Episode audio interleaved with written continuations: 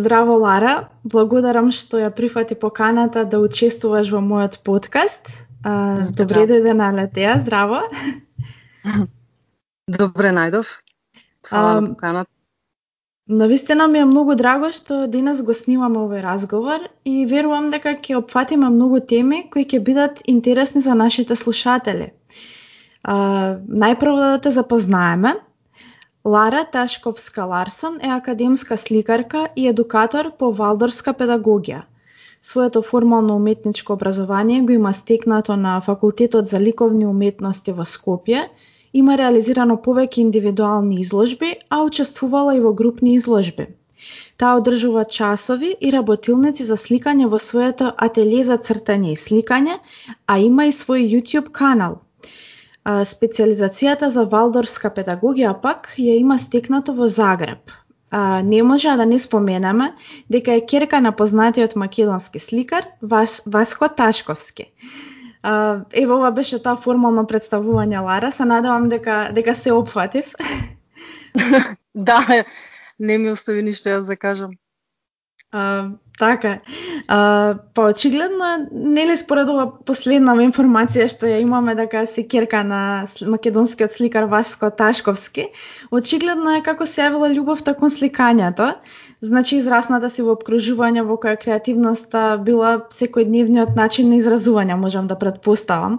А, но сепак, ева за почеток, сподели со нас а, кога и како се роди љубовта кон уметноста, дали имаше некаква пресвртна точка или едноставно тоа се случувало природно? Па и двете. Звучи клише, меѓутоа уште од мала сакав да цртам и постојано цртав. Многу цртав, цртав е, на се што ќе стигнам на книги, на тетрадки, на со фломастери. Не сакав многу да си играм надвор на улица, ме тераа моите излези, јас не. Досадно е тоа. Си цртав, со пластелин правев разни фигури. Немавме на времето многу играчки, па разни амбалажи користев, ги сечев, ги комбинирав со пластелин, правев некои објекти, ги боев. Така. Се додека не тргнав на училиште. Што се случи тогаш? Тогаш престанав да цртам. Uh, имавме на поликовно еден наставник кој што многу сакаше партизани и стално не тераше да црта партизани и германци. И ми беше смрт ликовно, која ти не сакав ни да ги цртам, не кеав ни да ги довршувам сликите. Цртавме борби, не тераше партизани со како фрлаат бомби, германски тенкови во оган, Па доста тешки Авион, теми вака за, за таа возраст ви давам, некако не знам. И такво беше времето. Да. И многу ми беше неинспиративно тоа и некако престанав да, да цртам. Дури на крај ни даде слободна тема. И цртам ја некој пейсаж, река, пат, И ги гледа цртежите, доаѓа до мене. Е, супер, ова убаво. Е, сега уште по патот да нацрташ колона партизани. Ќе биде одлично. е, сега во осмо оделение требаше да се запишуваме во средно. Ја бев експериментална генерација кога нели нашето образование стално нешто експериментира. Mm -hmm требаше да се усмеруваме. Немавме гимназија тие години, ја укинаа гимназијата, требаше да се усмериме. И тоа беше многу фрустрирачки период. И тоа зима се сеќам татко ми однесе во Белград и посетувавме разни уметници, нивните ателија и запознав е, доста уметници, посетив е, музеи кои беа поголеми и нели по подобри од нашите. И некако така ми се врати таа та изгубена љубов за сликање. Видов дека не е само партизани и германци цртање. И летото пред да се запишам, отидовме на ликовна колонија во Ниш, мислам дека беше. Uh, тогаш запознав многу исто уметници, таа цела атмосфера ме понесе и така многу ми беше инспиративно да да продолжам понатаму по, та, во таа насока. Така да тоа беше некоја присвртна точка, инаку до тогаш беше безнадежно. Ето, тоа било клучно. Та потоа запиша а, средно уметничко или а, да, средно уметничко од сликарство и пак записи сликање. Професорите така беа многу неинспиративни Така да цел живот човек се бори со образованието и процесите во, во учењето. Да, не ете сепак креативноста преовладала кај тебе. Па и... да, на крајот се бараш себе и во себе го наоѓаш одговорот и ја често пати знам да кажам јас сум самук сликар со ликовна академија. Сепак самиот, нели, како во едно видео што кажам дека професорот Танас Лудовски ни кажуваше ако вие не сте отворени да учите, џабе доаѓате, џабе ви си професори, вие треба да бидете отворени, да истражувате и нели цел живот се учи. Па така Постоја... е за, за, за се всушност во животот, нели? Така да сепак многу зависи од индивидуалната работа и себе так. истражувањето, анализирање и така натаму. Така, точно. А, значи, сепак, нели, твојот татко е поттекот и насоката всушност која која ти ја дала. Тоа израснав нели во таа атмосфера и така имав прилика да се движам во тие кругови, меѓутоа имам и сестра која што нема а, воопшто допирна точка со так. со уметноста со уметностите, така да не е само нели да имаш родител, туку и да нешто во себе. Uh, да, па, ево во таа насока, јас на твојот YouTube канал баш гледав едно видео каде што говори за анекдота, а, нели, поврзана со, со татко ти, може би сега можеш да споделиш некоја друга таква интересна анекдота која се секаваш на да, од твоето да, детство? Не може да ми текне за некоја анекдота со татко ми. Треба многу да се навраќам на назад. Имам анекдоти со мојот професор затоа што ми е по по тазе, да кажам, и сепак од струка. А, вака не можам да се сетам многу но, од порано. Инаку има мојот професор Танас Лудовски, оригинал личи на Ошо ист, ист портрет и ист карактер. А, например, еден ден влегува во ателје и гледа на, нашиот колега, нели, слика, ама не му иде сликата нешто многу. И се нервира и застана до еден момент кога не може да заврши, а не, не, не нели, се блокира. И сега професорот му вика, уништија сликата. Тоа е многу познато, нели уметниците треба да бидат и истражувачи, не само да насликаат mm -hmm. слика, туку да сакаат и да ги пробијат тие бариери, нели да излезат од комфорт зоната, што викаат, за да најдат нешто повеќе. Така. И вика уништија сликата во смисла нели да работи до макар и да да се расипе, биди се по принцип треба човек да биде спремен тоа да го фрли на крајот на криштата, ако не, не ти излезе. И излезе од ателје. И колегава се изнервира и зема ја искрши сликата, ја фрли низ прозор. И излезе си отида. И се враќа професорот. И ја гледа сликата искршена. Е, вика, ја века му реков да ја уништи, тој буквално ја зел ја уништи. Вика ме послуша. Ошо, така им кажува на нивните ученици, на неговите ученици, вели, нели ги учи да бидат бунтовни, да се бунтуваат, да не слушаат, да се непослушни. Mm -hmm. еден ученик му доаѓа и вика, нели Ошо, јас правам се што ќе кажеш, нели еве се бунтувам, сум бунтовник. Не гледам некој прогрес кај мене. И тој вика, добро вика, правиш, ти се бунтуваш затоа што јас сум, сум ти рекол да се бунтуваш. Значи ти си послушан. значи не се бунтуваш. да, така, да, добра полука. да, да, да. Тоа е тоа растење, односно учење од учители кои што ти удираат шамари од сите страни и на крајот ќе се најдеш себе. Да, изгледа тоа е патот всушност. Тоа е еден вид нели на на на обука. А, вака гледајќи ги твоите уметнички дела, можам можам да забележам дека имаш специфичен стил кој те истакнува.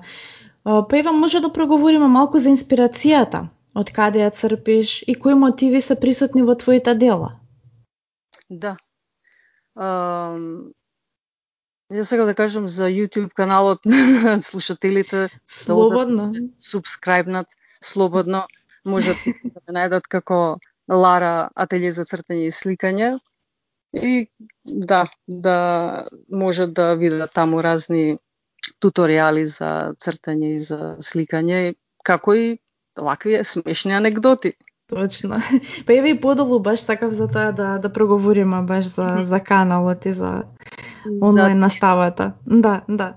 Да, за инспирацијата, нели, уметниците обично работат во циклуси, во одреден временски период се инспирирани и фасцинирани од нешто, одредена некоја тема.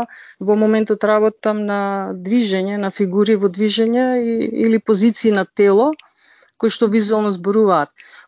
Конкретно сум инспирирана од еуритмијата, тие што Може малку да, за тие што не се толку навлезане. И, да, се работат и во Валорска школа и ги има воведено Рудолф Штайнер. Нешто слично, значи има повеќе такви движења, односно игри. Кај нас конкретно може слушателите да им биде поблиску паневритмијата, може би имаат слушнато која што се игра во Пиринска Македонија на планината Рила. Тие се нели ги има воведено Петар Дънов, секој лето се собираат, има доста и од Македонија одат таму. А овие се, значи, се игра на музика и се прават одредени движења. Еуритмијата конкретно има дава секој секој покрет, односно секој движење од, опишува една буква. Додека паневритмијата раскажува цели реченици со едно движење. Значи ова по-конкретно може да се пишува со со движење мене ми се многу инспиративни затоа што кога се движат тие се личат на пламени. И кога ги гледате со долга експозиција, една фантастична абстракција.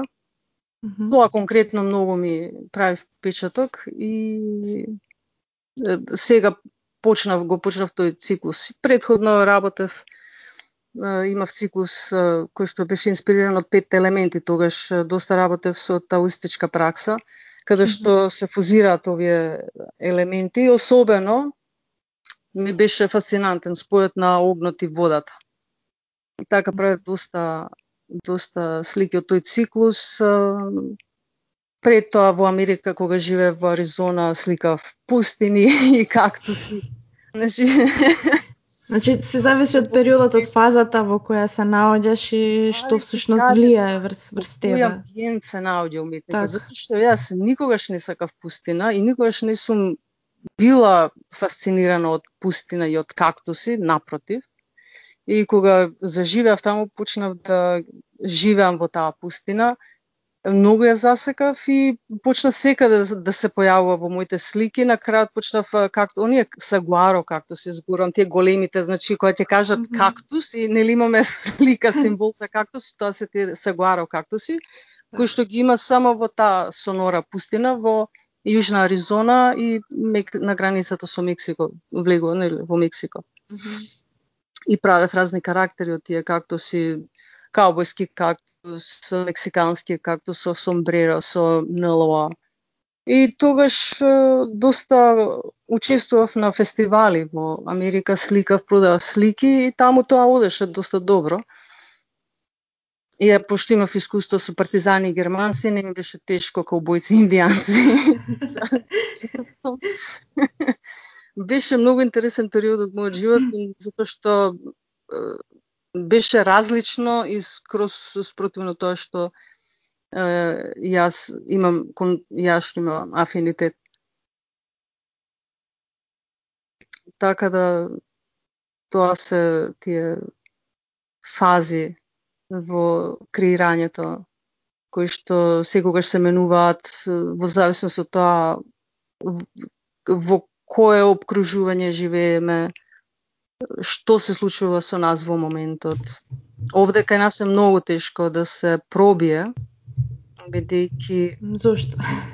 светот на, на креативноста, затоа што астралот е многу згуснат, заради сите овие немири и незадоволства кои што ги имаат луѓето и е многу, многу потешко. Сваќам, да, но сепак мислам дека дека луѓето имаат потреба од од убавото, имаат потреба од естетика во животот, од нели?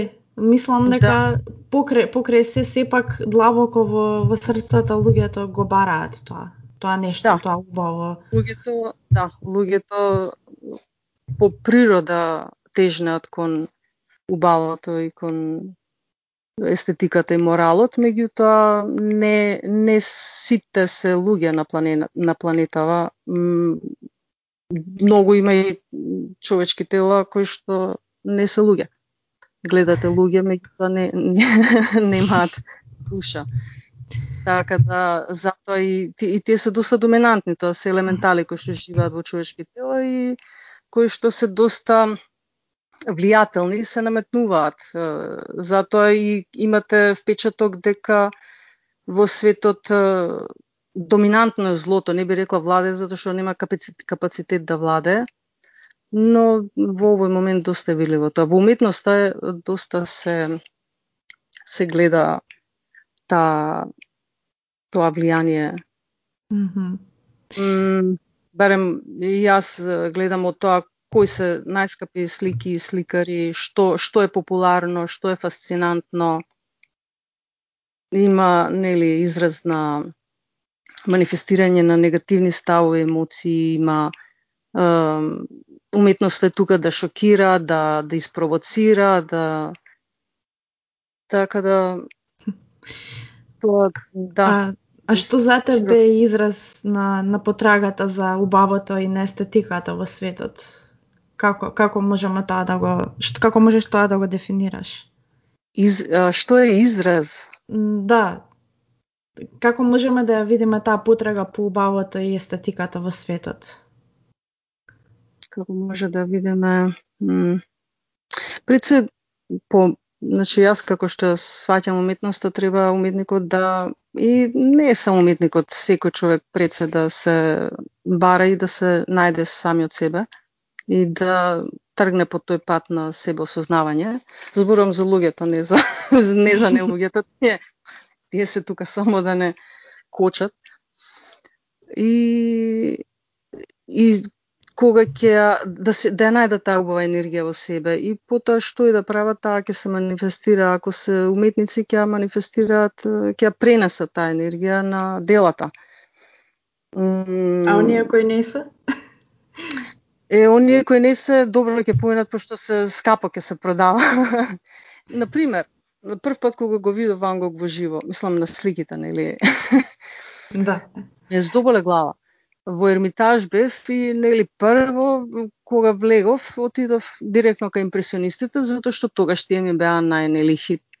Бев млада и почна глава да ми се врти некако доста лошо се почувствував тоа е таа енергија. Човекот е, знаеме со каква свест е, си го исоколувото, бил суициден.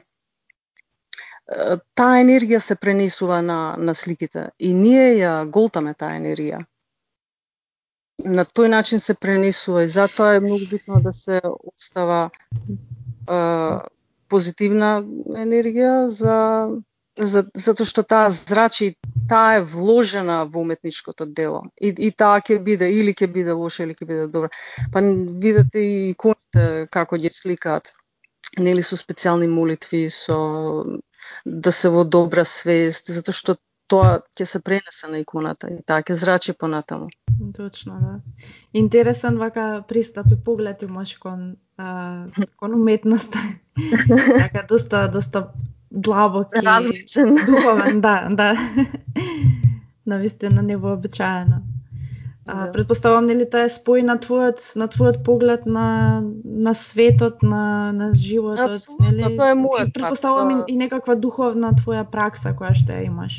Да, така што да, од 15 години го читав Јогананда и сакав да одам на Хималаите и да седам да, да, да останам таму, да медитирам. Реков, тоа е тоа.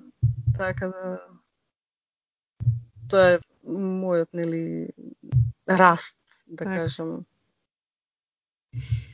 А, добро, сега после нели овие вака да кажам духовни кратки патувања може да накратко да не накратко, всушност колку сакаш нели да не кажеш нешто повеќе за ателието за цртање и сликање. А, кога настана, како настана, кој се ги, може да ги посетува часовите и понатаму нели за твојот YouTube канал нешто повеќе да кажеш и нормално каде можат да те најдат нашите слушатели. Да, да но, почнав уште 2006 да држам а, часови. Тогаш уште така имав и други вработувања, работев и како графички дизајнер, а и не, не бев а, сосема посветена на пренесување на знаење. Од, ова од ателје постои од 2017 година, што е со сегашната локација нели на Илинденска Карши влезот во Дино паркот. Сега сега Дино парк до сега ќе кажете градско собрание, ќе си мислат републичко собрание или општината или зоолошка па кој влези, вака сега Дино паркот супер ни се отвори. Тука сме. И имаме часови за, за, за возрастни, за деца. Децата исто се поделени на две групи, помали и поголеми. И тука, нели, сакам ја таа валдорската педагогија да ја вклучам во во тие некои работилници. Меѓутоа, сега летото организираме летен камп, да кажам, тоа се утрински предпладневни, предпладневни работилници во паркот, во зоолошка, во Дино паркот, на отворено работиме со дечиња. Возрастните исто си имаат своји групи. Имаме веб страна, ателје за цртање и сликање.мк, може да се пронедат доста информации тука. И сега малку луѓето отида по одмори, па по, по-споро работиме. Од септември се надеваме дека ќе продолжиме и тоа сега сме исто и а, спремни да можеме во секој време да се префрлиме и со онлайн часови. Имавме до сега исто курсеви онлайн и тие ете обично луѓето за визуелна нели курс за цртање некако се скептични кога се работи за онлайн часови, меѓутоа има друга па доблест што имаме учесници од други градови, па дури и од Црна Гора ми се јавија некој. И убаво се дружиме. Ја многу убаво некако имам а, искуство од овие онлайн часови, убаво дружење. Пошто имам две камери, ме гледаат и јас цртам исто, ме гледаат мене, интерактивно е ми ги праќаат за време на часот ми ги праќаат нивните цртежи па тука дискутираме значи го споделувам мојот скрин од деск како се вика тоа десктоп. компјутер десктоп. Да. И дискутираме тука значи многу добро се функционираат тие часови. И да тоа е тоа на Facebook сме, на Instagram можат лесно да не најдат луѓето. А за YouTube каналот, YouTube каналот YouTube дали е поврзан со со овие часови или е нешто за поширока публика како? Како е твојот концепт? Каналот е пред се е на македонски јазик и е наменет за публика која што ќе слуша туторијали за цртање на македонски јазик некои видеа се преведени, меѓутоа поентата е да да ја одржиме таа заедница која што веќе оформивме околу ателјето, луѓето што доаѓаат, да можат да да се да си најдат материјали таму. И има видеа и за деца и за возрастни. постојано нешто се се додава, се правиме, не знам. Ќе видиме како ќе оди понатаму.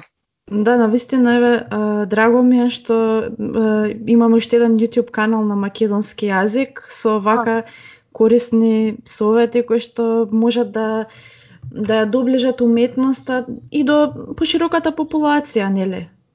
Да, претежно се гейминг каналите. Да, да, нешто. точно. И ја се гледам дури гледам сите се хајпнати што вика брзо збора динамично викам леле ја како како МТВ сум бавно споро и гледам некако да се да се убрзам ја да има по поинтересно на помладите. И сваќам колку треба да сечам кога монтирам многу многу морам да катови да правам. Ама добре учиме уште. Така Добро, значи уште еднаш како може да те пронајдат на, на социјалните мрежи, нашите слушатели? Да, ателје за цртање и сликање.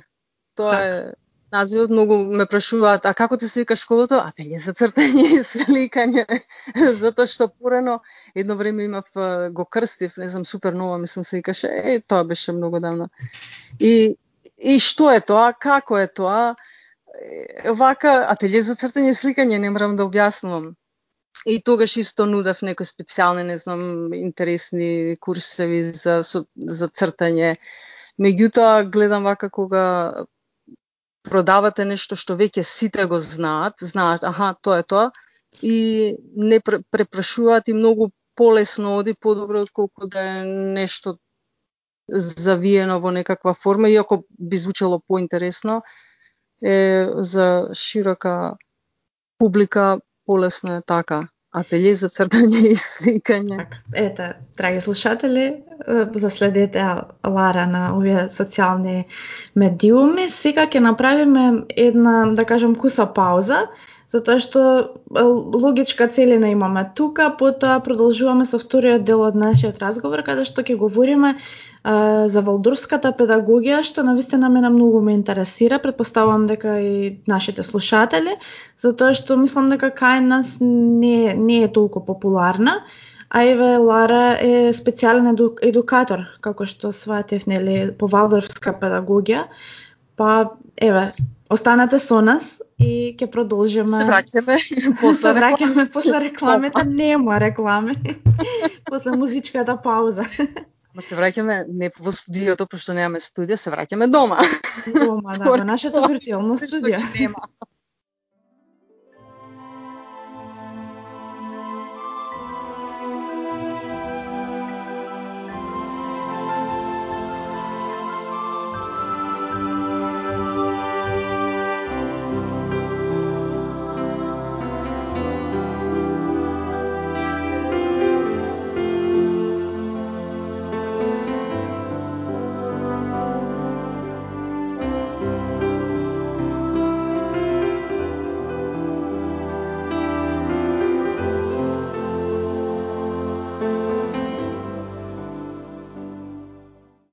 Продолжуваме со вториот дел од нашиот разговор. Разговараме со Лара Ташковска Ларсон.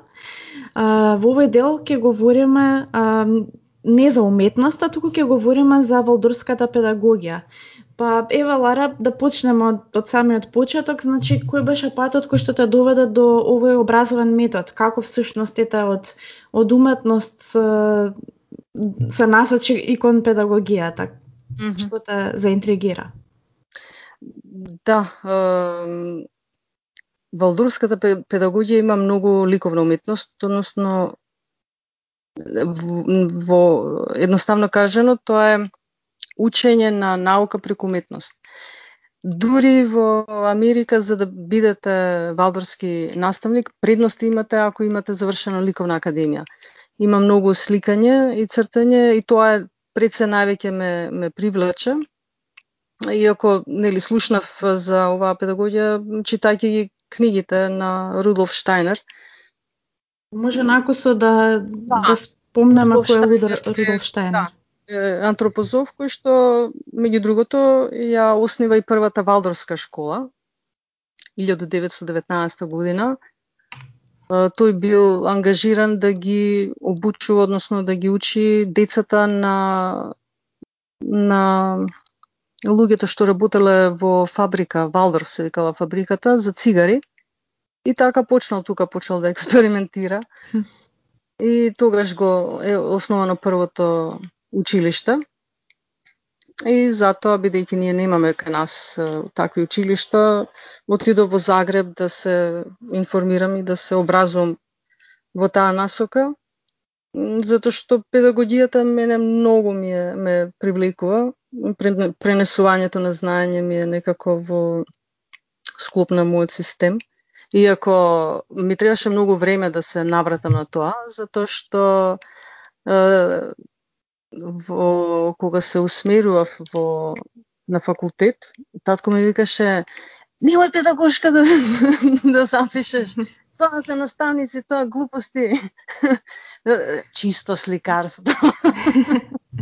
Затоа што човекот не сега да преда, не се гледа себе како и гледа со како од високо гледа према професорите, како како ако си професор нема не можеш да бидеш добар сликар и са нели, ама секој си има свој пат.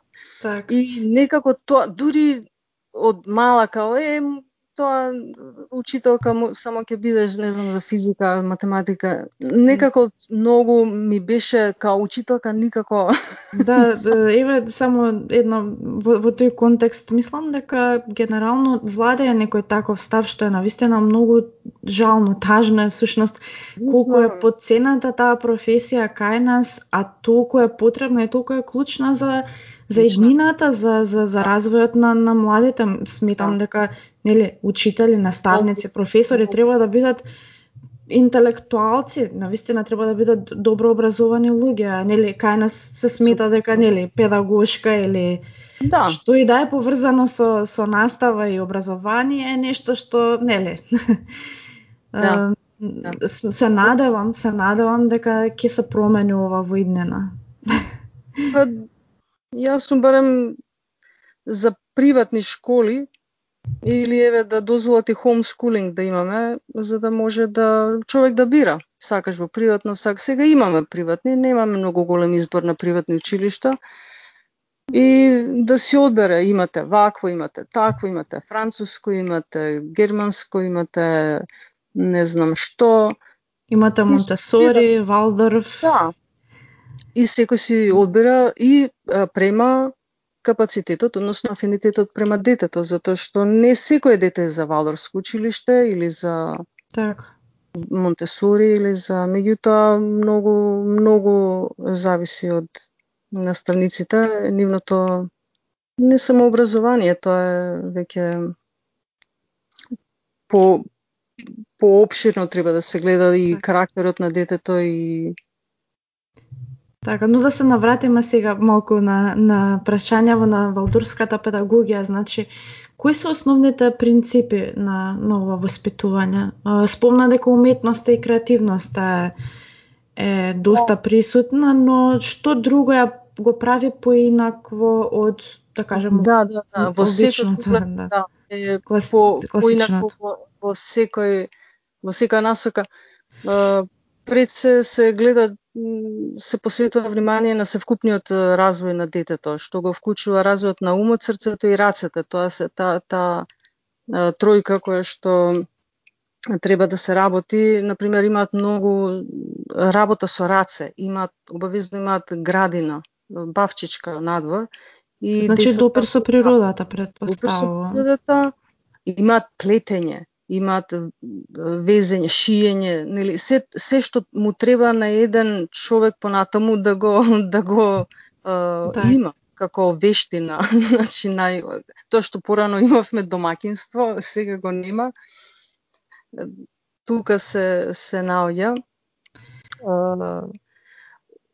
нели бидејќи има визуелен пристап, многу е битен амбиентот на, на самото школо. Кога ти ги видите тие училишта немаат ништо никак некои печатени материјали, се е тоа рачно нацртано, напишано.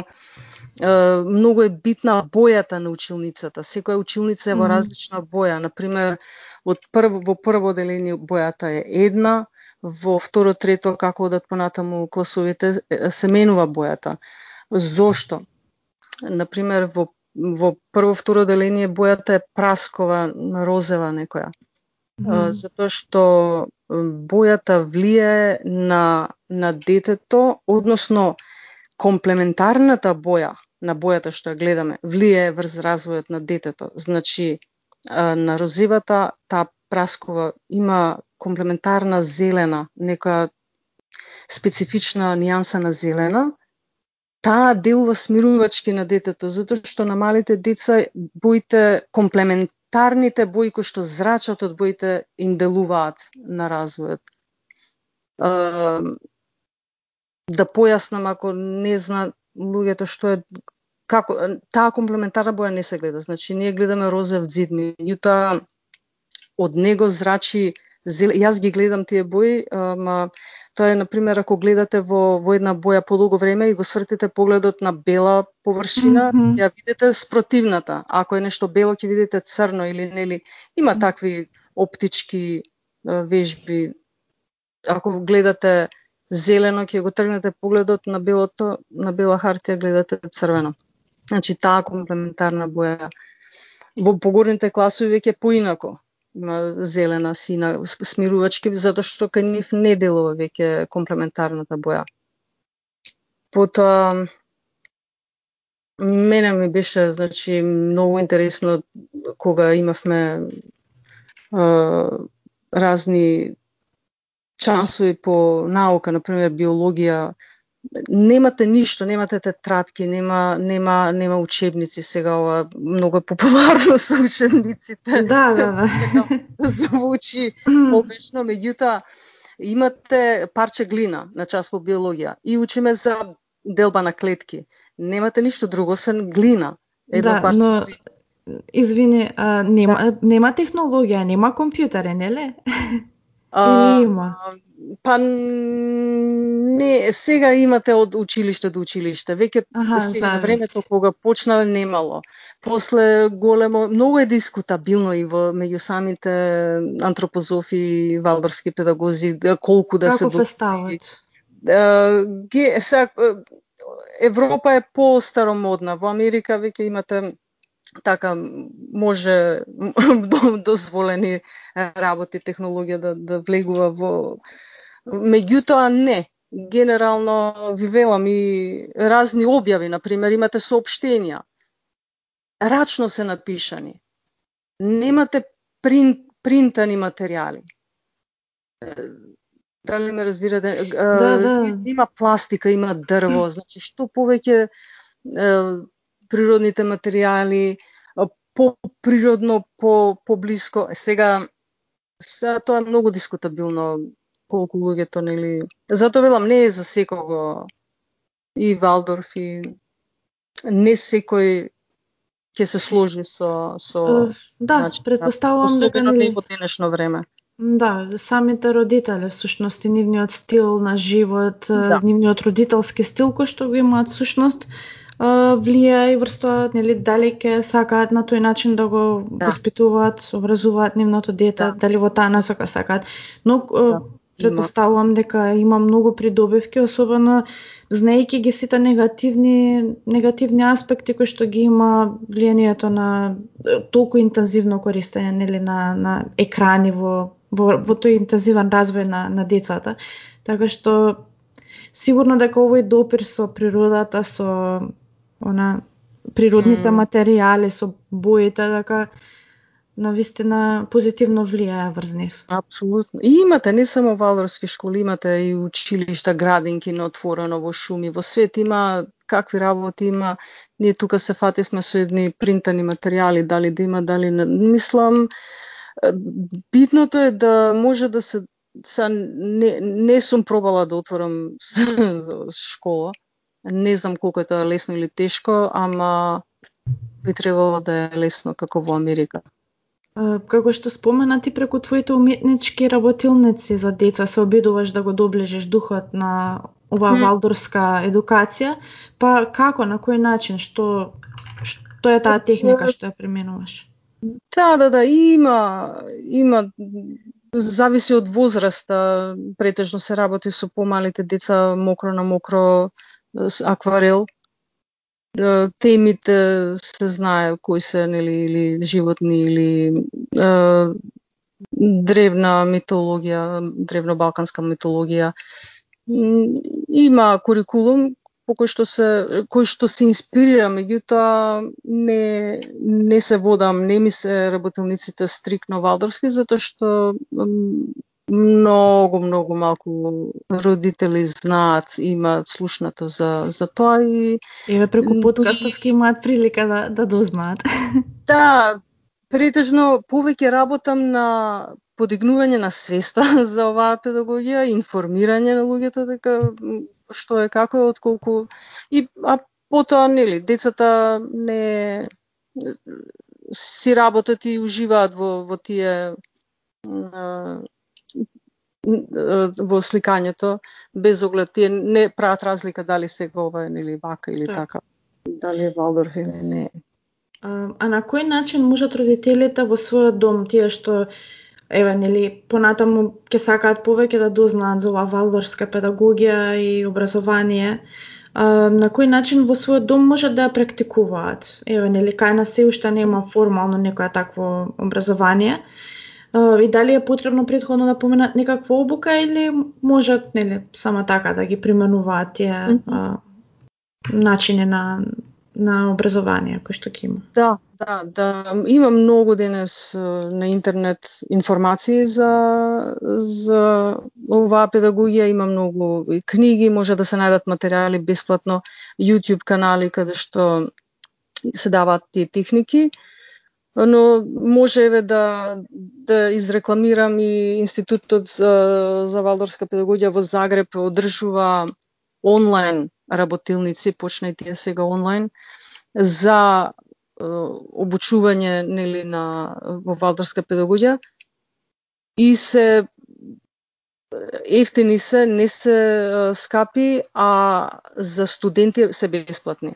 Значи секој кој што студира педагогија или го интересира или како студент ако сака да се дообучи, се може да си да ги посетува тие онлайн курсеви, така да тоа е и, и на српски се на хрватски.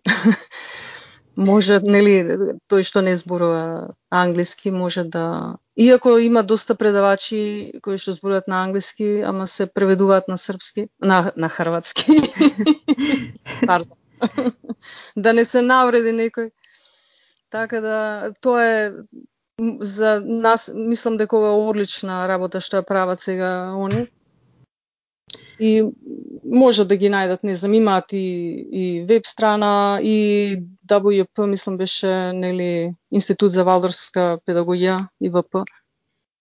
И може да се информираат за некоја обука, а инаку може вака со читање на книги, со со YouTube гледање може да секој на своето дете да да му да му покаже нешто Точно, да му да. да направи. Да. И мене и тоа ми беше и втората е, е, потреба да да се односно желба да се обучам во оваа педагогија затоа што ми се роди синот тогаш и сакав да го растам во, во таа свест.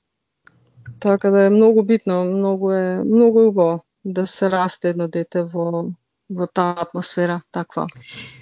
Па и во таа насока ме интересира дали може би се сретнала некакви согледувања, истражувања во врска со развојот на овие деца кои што се на овој начин воспитување.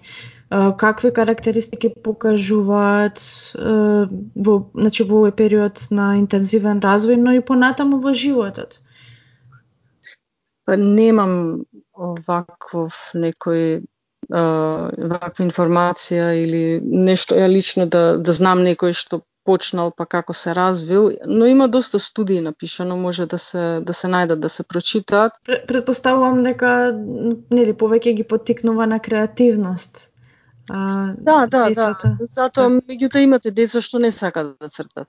Едноставно или тие исто инсистираат на пример Валдорф да не се учат децата уште од 7 години да пишуваат, туку веќе по по во погорните оделенија Мгм. да почнат да пишуваат. Цртаат, ги цртаат буквите, ги учат буквите, почнуваат да читаат, не пишуваат. И гледам и по син ми, страшно тешко му беше пишувањето. Е, сега има некој дете по понапредно.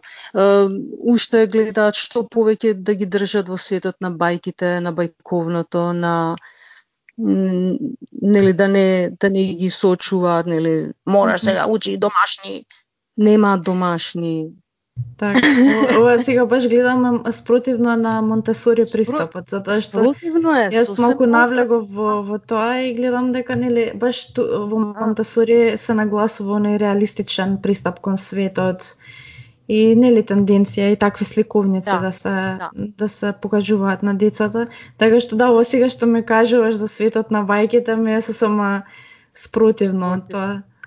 Да. Интересно, навистина интересно во секој случај.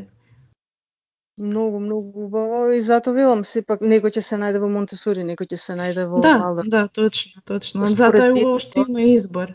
Во, Нема да кажем. нас. Кај нас Но ета можат слушателите, родителите да. се едуцираат, имаме онлайн, педагози исто во Загреб запознав доста педагози, оделенски наставници кои што сакаат да се едуцираат на своја рака дојдени. И нели велат, не е битно да ти се погоди школото, битно е да ти се погоди наставникот. Така. Сепак е личен приод на наставникот колку ќе вложи во себе и колку сака да пренесе и нели да да да работи работата со љубов, не само да помине часот. Еве домашна се гледам. Така. Добро, полека мораме да да привршуваме со нашиот разговор, на вистина можеме уште многу да да зборуваме, ама е времево гледам дека доста помина. А, и за крај, нели? Ќе ни вела дека треба да завршиме.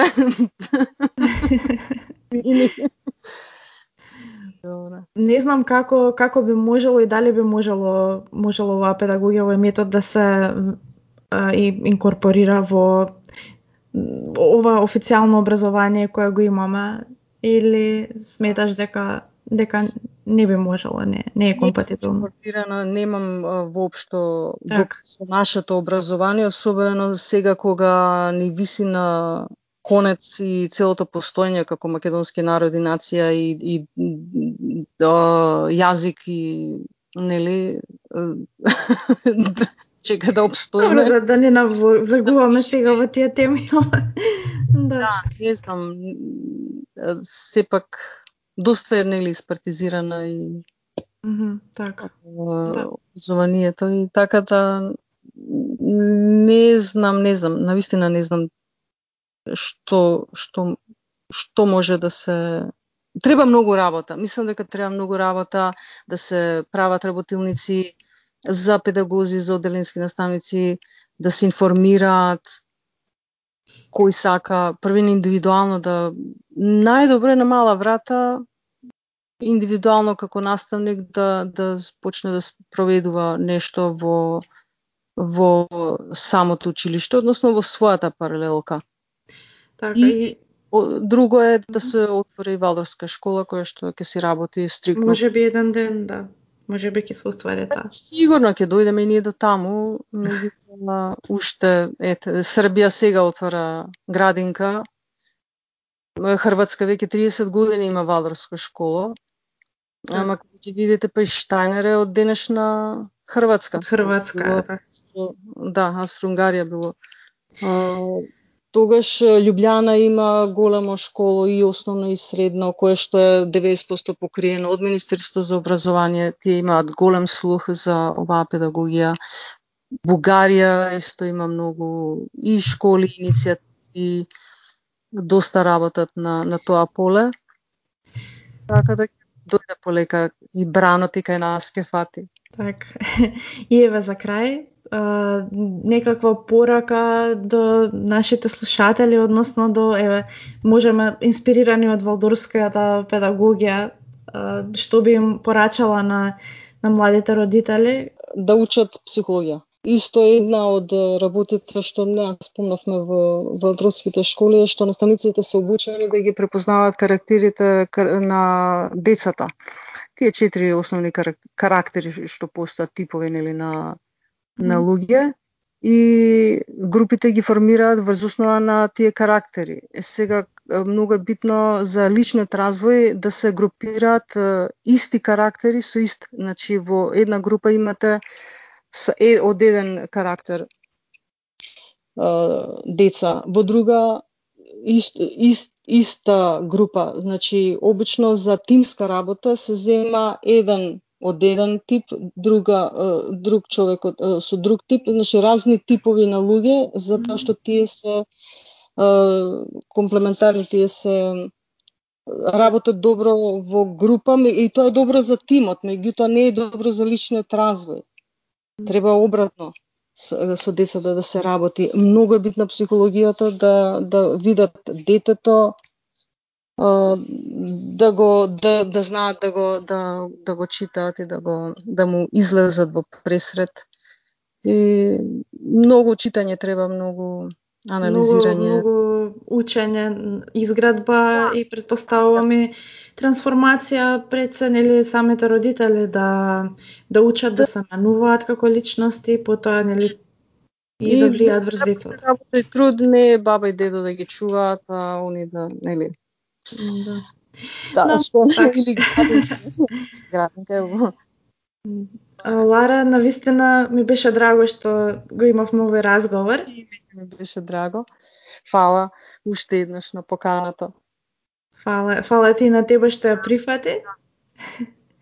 И ти да. посакувам ете успех и многу нови творештва, може би изложби, нели сите твои да. планови понатаму да се остварат и во врска со Валдорф и со ателието за цртање и сликање.